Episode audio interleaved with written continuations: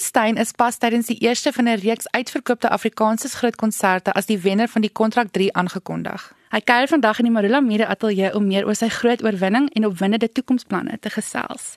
Chris, kom ons skop sommer af en ek wil eers vir jou sê baie baie geluk met hierdie ongelooflike oorwinning wat jy nou gehad het die afgelope naweek. Vertel ons asseblief bietjie eerstens oor daai groot oomblik toe jou naam uitgeroep is.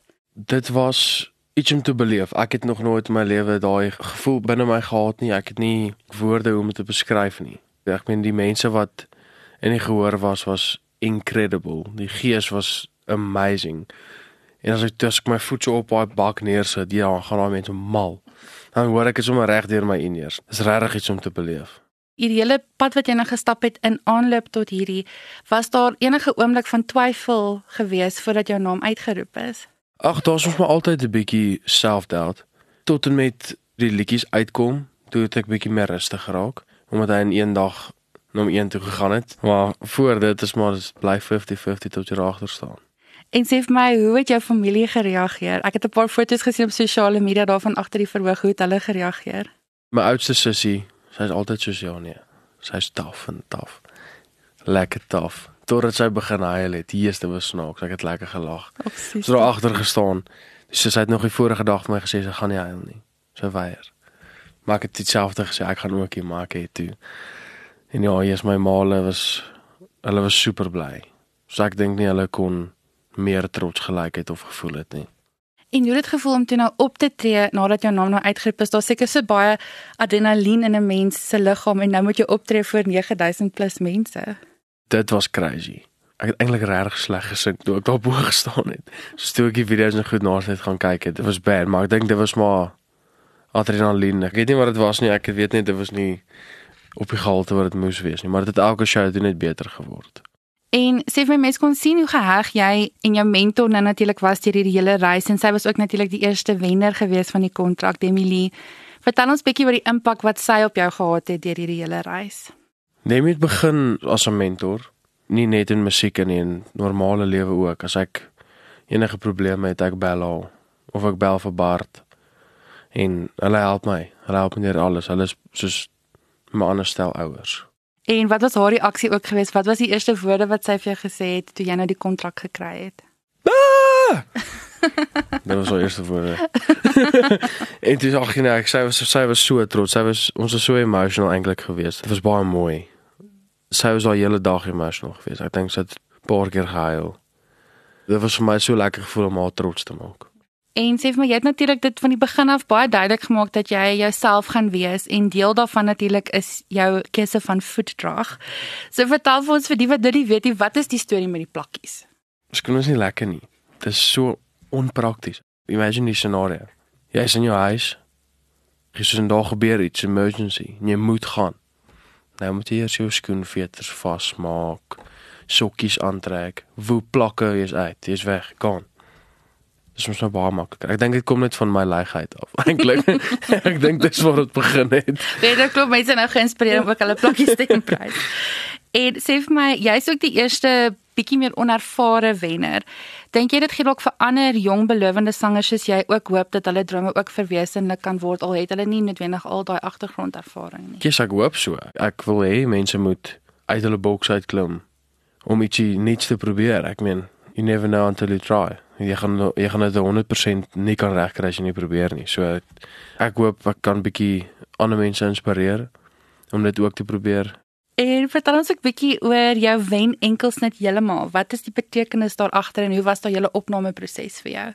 Die hele idee van die liedjie is dat jou heeltemal, dis jou eerste liefde. So dis daai dol verlief. Dit kan dalk die verkeerdste gou wees wat jy moontlik kan kry. Maar vir jou is dit die wêreld.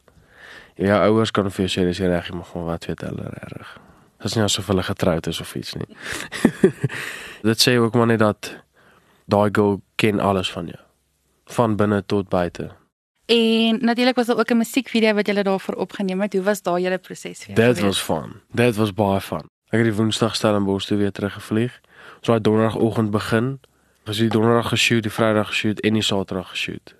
Dit was baie lekker. Dit was 3 dae se baie lank stap. Ons het regtig baie gestap ons het ten minste 'n kar gehad, maar ons het Die hele idee was maar dat ek agter die girl aanstap van Stellenbosch af Pretoria toe. Die kruis gedeelte van daai was dat ek elke dag dieselfde klere moes aantrek. wat is leer nou baie oor die oor die musiekvideo proses hierso by jou. wat ek moet obviously in dis in een dag dieselfde klere hê. Jy is aan die beginpunt van jou loopbaan. As watse tipe kunstenaar sal jy graag geken wil word? 'n Van een.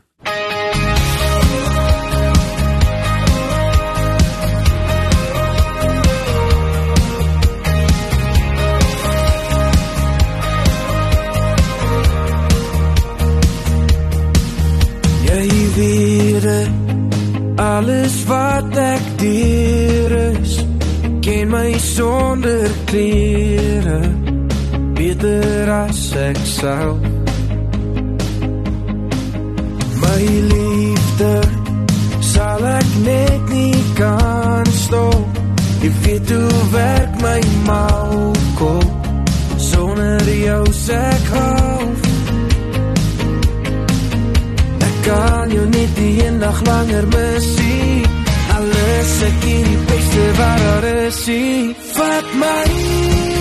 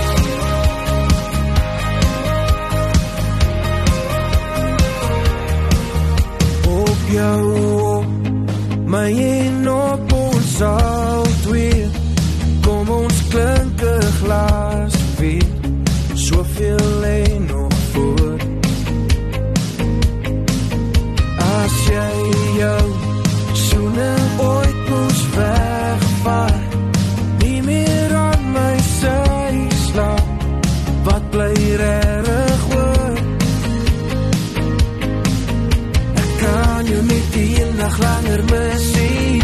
Alles het nie die beste wat daar is nie. Vat my, vat my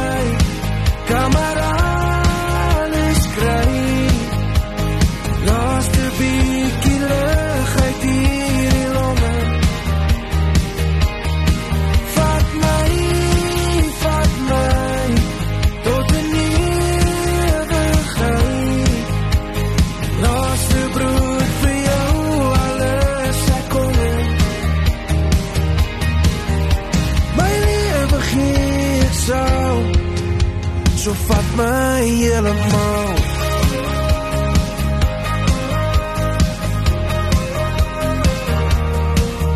Jy weet het, alles wat ek dier is Ek ken my sonder klere Beter as ek sou. Vat my, vat my